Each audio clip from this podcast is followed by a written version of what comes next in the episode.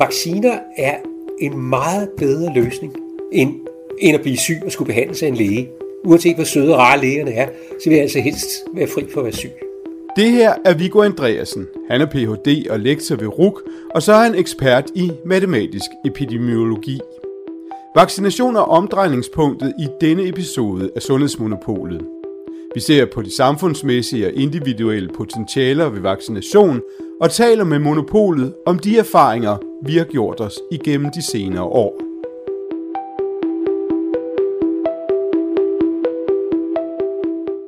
Vores sundhedssystem er udfordret fra en befolkning, der lever længere og som får flere kroniske sygdomme, fra mangel på personale og kapacitet på sygehusene, og fra udviklingen af nye og innovative behandlinger, der udfordrer vores sundhedsbudgetter. Vi befinder os med andre ord i en brydningstid med behov for at tænke nyt. I denne episode af Sundhedsmonopolet kan du blandt andre møde sundhedsordfører for Enhedslisten, Peter Velblund, og sundhedsordfører i SF, Kirsten Norman Andersen og flere andre. Mit navn er Morten Bro Bigel. Velkommen indenfor.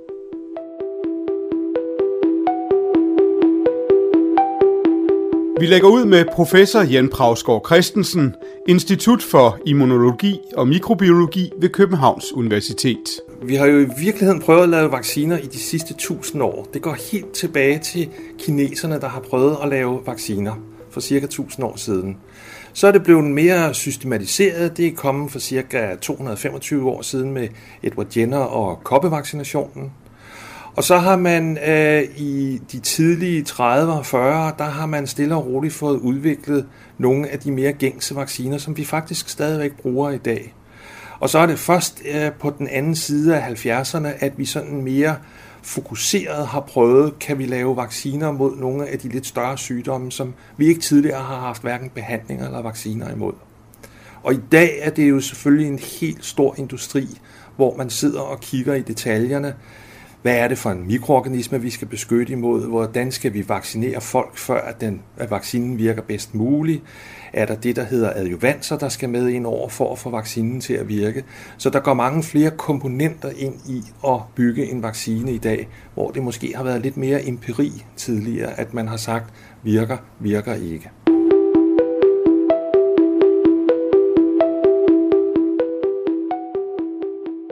Antropolog Gitte Lee Mortensen er specialiseret i kvalitative analyser på sundhedsområdet. Hun har igennem virksomheden Antroconsult i Aarhus arbejdet med adskillige forskningsprojekter, der har haft til formål at afdække vacciners betydning for samfund og borgere. Altså vaccination har jo i udgangspunktet betydet kæmpe meget for folkesundheden. Øhm, og, og gjort især øh, med fokus i starten, især på børnevaccinationer, ikke også? at man jo har enten reduceret helt enormt eller udryddet i Danmark øh, nogle børnesygdomme, som før øh, slog tusindvis af børn ihjel i Danmark. Øh, nogle blev invalide af dem, eller havde andre veje med. Og det har man jo ja, enten reduceret helt enormt, eller elimineret de sygdomme. Der er nogle af de sygdomme, som gør, dem, dem vaccinerer vi simpelthen ikke for mere, fordi at, at det er så sjældent, at der sker noget, så som kopper for eksempel. Øh, som vi jo nok begge to er blevet vaccineret mod i vores barndom. Ikke? Men det gør man jo ikke mere, fordi at det egentlig har været så stor en succes. Så er der andre, hvor man bliver ved med at vaccinere mod dem, fordi man risikerer, at de også, fordi vi jo gudskelov har en masse kontakter rundt omkring i verden. Der er børnesygdomme, som bestemt ikke er udryddet andre steder, så dem bevarer vi i børnevaccinationsprogrammet. Øh, så man kan sige, især på børnevaccinationsområdet har det jo haft historisk set en kæmpemæssig betydning. Og der er vist ingen tvivl om, at lige hvis vi ser på det sidste par år, at øh, muligheden for at vaccinere mod corona har haft kæmpe positiv betydning for øh, sundhedstilstand og dødelighed her i landet blandt andet. For at få endnu en vinkel på, har vi besøgt Tove Holm Larsen, professor og direktør af Pharma Evidence. Hun er vant til at se på den sundhedsøkonomiske side af sagen, og hun siger. Altså grundlæggende så må man sige, at øh, i sundhedsvæsenet og alle mulige andre steder i det offentlige, så hver gang vi bruger en krone et sted, så har vi den jo ikke et andet sted. Men lige præcis vacciner øh, arbejder jo i høj grad anderledes end alle mulige andre udgifter, øh, fordi det er forebyggelse, og vi ved fra utallige studier, især på børnevaccinationerne, at, øh, at det er utrolig effektive, og øh, og at prisen for et øh, prisen for øh, overlevelse, prisen for hver gang vi redder et liv, er virkelig lav. 300 kroner eller noget, noget i, i tilsvarende. Så, øh, så for vaccinepengene får man ofte rigtig, mange, rigtig meget ud af det. Rigtig meget liv og rigtig øh, både, både den sygdom, vi vaccinerer imod, altså lad os tage mæslinger, øh, så når vi vaccinerer mod mæslinger, så det, at man ikke får mæslinger, men det, at man heller ikke får øh, meningitis bagefter, øh, er jo, øh, er, der, der sparer man rigtig mange penge. Man sparer også, hvis man tager polio, det er, at man ikke bliver syg af polio, men også det, hvis man så ellers fik polio og ikke blev lammet, eller bare blev delvis lammet, jamen så får man også senfølger i en alder af 50-60 år og, og har rigtig mange dårlige leveår bagefter.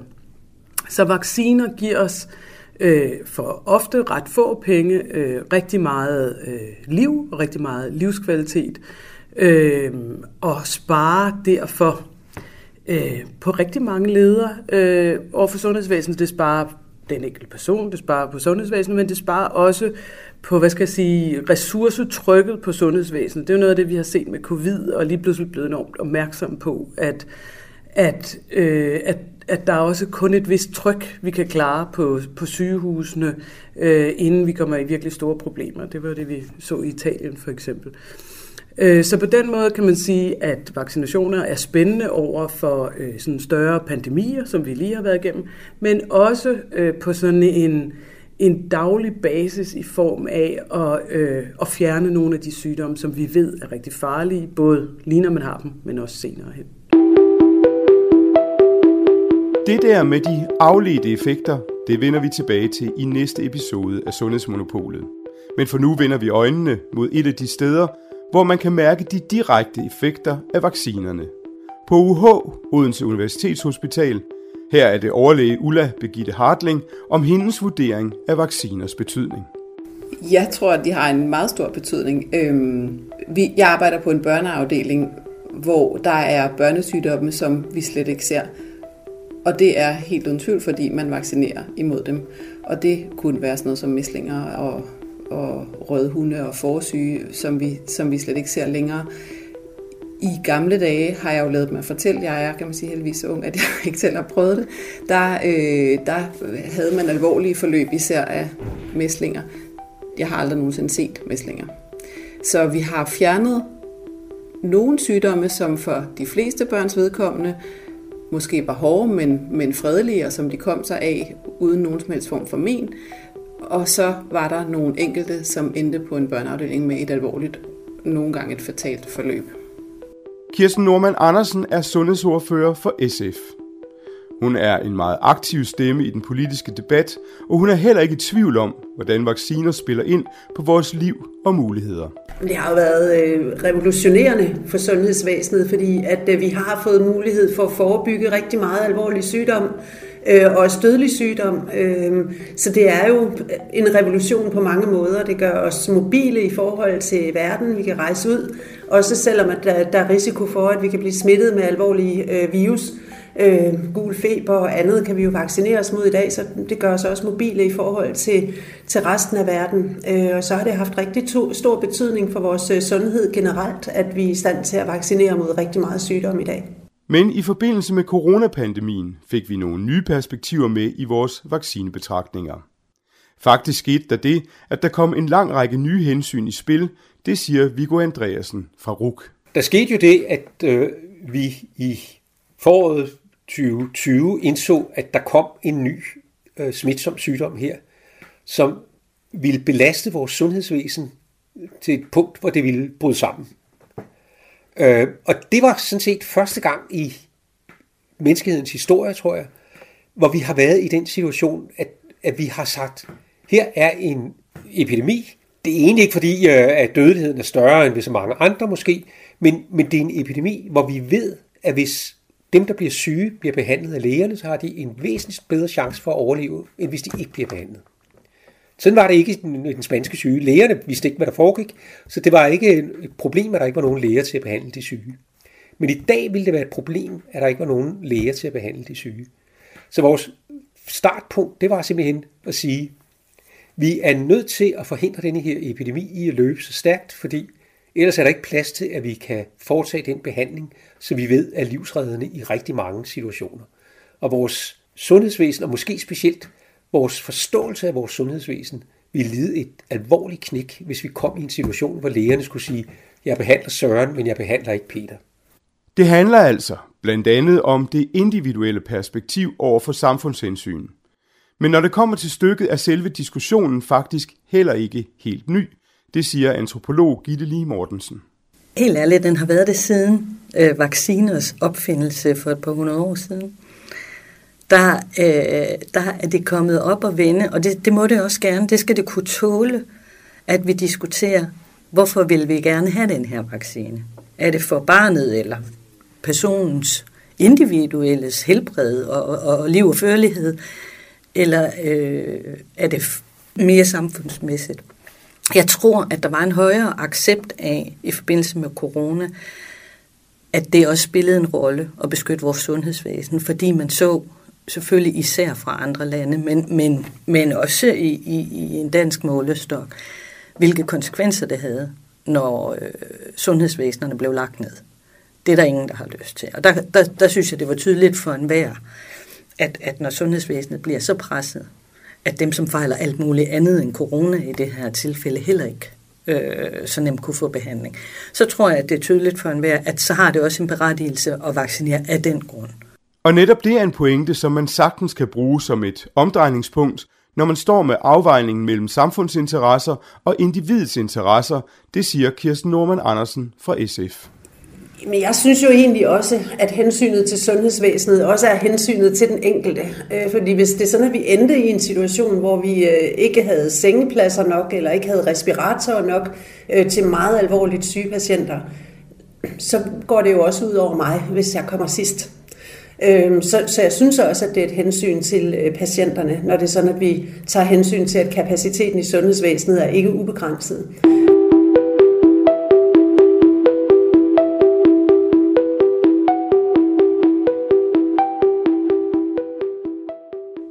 Men man kan også løfte endnu et perspektiv ind i debatten, nemlig selve samfundsøkonomien. Og den har de blandt andet lavet beregninger på hos Dansk Erhverv. Her er det markedschef Katrina Falbjerg Schaumborg. Vi har sådan set øh, flere perspektiver på det. Øh, man kan sige, at vi har sådan en lidt en større samfundsdagsorden. Dansk Erhverv er jo en arbejdsgiverorganisation, repræsenterer 18.000 øh, medlemmer, som jo alle sammen har medarbejdere, der går, på, der går på arbejde hver dag. Så man kan sige, at det her med at se på blandt andet sådan noget som vacciner i lidt større samfundsmæssigt perspektiv, det er noget af det, vi gør.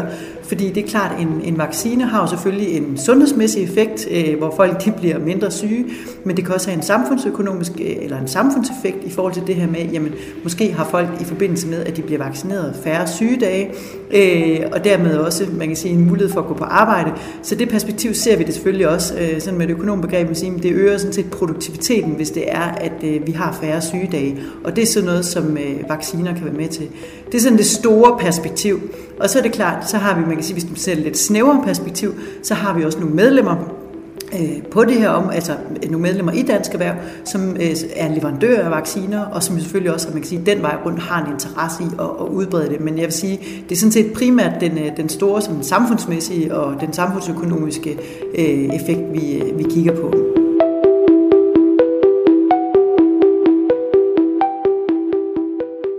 Der er altså tre parametre i spil, når man skal vurdere vacciner. Den individuelle, belastningsgraden af sundhedsvæsenet og endelig den samfundsøkonomiske. Vi har spurgt sundhedsordfører i enhedslisten Peter Velblund om hans syn på balancen mellem de tre. Corona har jo betydet en, et, øh, et paradigmeskift i forhold til, øh, hvordan vi ser på vacciner, og også på, øh, hvilken betydning vacciner har, både på det individuelle plan, men, men også i forhold til både belastning af sundhedsvæsenet og, og samfundsøkonomisk. Og der er der jo ikke nogen tvivl om, at, at med det, øh, med det pres, vi ser på i forhold til, til sundhedsvæsenet, øh, så er det også nødvendigt, at, øh, at vi bruger vacciner som et aktivt redskab, men selvfølgelig altid med den øh, forudsætning, at, øh, at det jo er øh, individet selv, som, som træffer beslutninger om det, at, at der jo selvfølgelig ikke er tale om tvangsvacciner, men at det er en vaccine, der kan, der kan tilbydes, øh, og, og hvor jeg også synes, det er afgørende, at øh, for at sikre den lige og fri adgang, at, at det selvfølgelig bliver, bliver noget, som er en del af det offentlige vaccinationsprogram, øh, og at det derfor også er, er uden egenbetaling. Der er altså en ret bred enighed om, at vi både kan og bør diskutere mulighederne for at justere i det offentlige vaccinationstilbud. Og hvis vi skal kigge lidt nærmere på det bagtæppe, eller rettere på den grundlæggende kultur, som sådan en offentlig debat vil foregå i, ja, så kommer antropolog Gitte Lee Mortensen her med et bud. Man kan sige, at her i landet har vi efterhånden en rigtig gammel kontrakt mellem stat og borger. Og, og den kan man sige, den er jo egentlig ikke øh, øh, forgivet. Den har også en, en historicitet, som samtidig med, at vi har opbygget en nationalstat og et statsapparat, har vi jo lavet en kontrakt, så at sige, mellem stat og borger om, at staten har øh, en, både en forpligtelse øh, og hvad skal man sige, et ansvar for folkesundheden. Så hele ideen om folkesundhed, der har vaccination fra start været en helt integreret del. Og jeg tror, der hvor vi er i dag, de fleste, jeg ved godt, det er ikke alle, øh, de fleste tager børnevaccinationsprogrammet for givet. Og jeg tror altså også, og det glemmer man måske nogle gange med folk, som er midt i livet for eksempel, at rigtig mange ældre mennesker tager altså også influenzavaccination og måske vaccination mod lungebetændelse mere eller mindre forgivet, at det er også noget, man gør regelmæssigt som en del af ens vinterberedskab. Og man kan sige, når der så kommer en epidemi, som vi lige har set, så går du jo ind og trækker på, at der er en tankegang, også for eksempel i forbindelse med rejsevaccination, som vi allerede er bekendt med. Og den er bare blevet udvidet helt enormt. Så jeg tror jo i den forstand, at pandemien, øh, coronapandemien, har udvidet vores forståelse af, at vaccination kan være noget, der vedrører os alle i en given situation, som ikke længere kun handler om rejser eller om, om alder i og for sig, men som kan være en, en rigtig god mulighed for os alle sammen. Og med det lader vi Viggo Andreasen, Ph.D. og lektor ved RUK, afrunde denne første episode af Sundhedsmonopolet med et argument, som man vel må sige, er rimelig nemt at sætte sig ind i. Vacciner er en meget bedre løsning, end, end at blive syg og skulle behandles af en læge. Uanset hvor søde og rare lægerne er, så vil jeg altså helst være fri for at være syg. Så, så i, som jeg ser det, er, at det i udgangspunktet en fordel at bruge vacciner, også hvis man har verdens mest velorganiserede og, og, og bedste og rigest bemandede sundhedsvæsen. Det er sådan set ikke, som jeg ser det, der modsætningen ligger, eller fordelen ved, ved vaccinerne ligger. Fordelen ligger simpelthen i, at man, man får en, en sundere befolkning. Du har lyttet til et afsnit af Sundhedsmonopolet. Sundhedsmonopolet er produceret for Sanofi og tilrettelagt af Morten Bro Bigel. Du kan finde andre episoder, hvis du søger efter Sundhedsmonopolet, der hvor du i øvrigt henter dine podcasts. Tak fordi du lyttede med.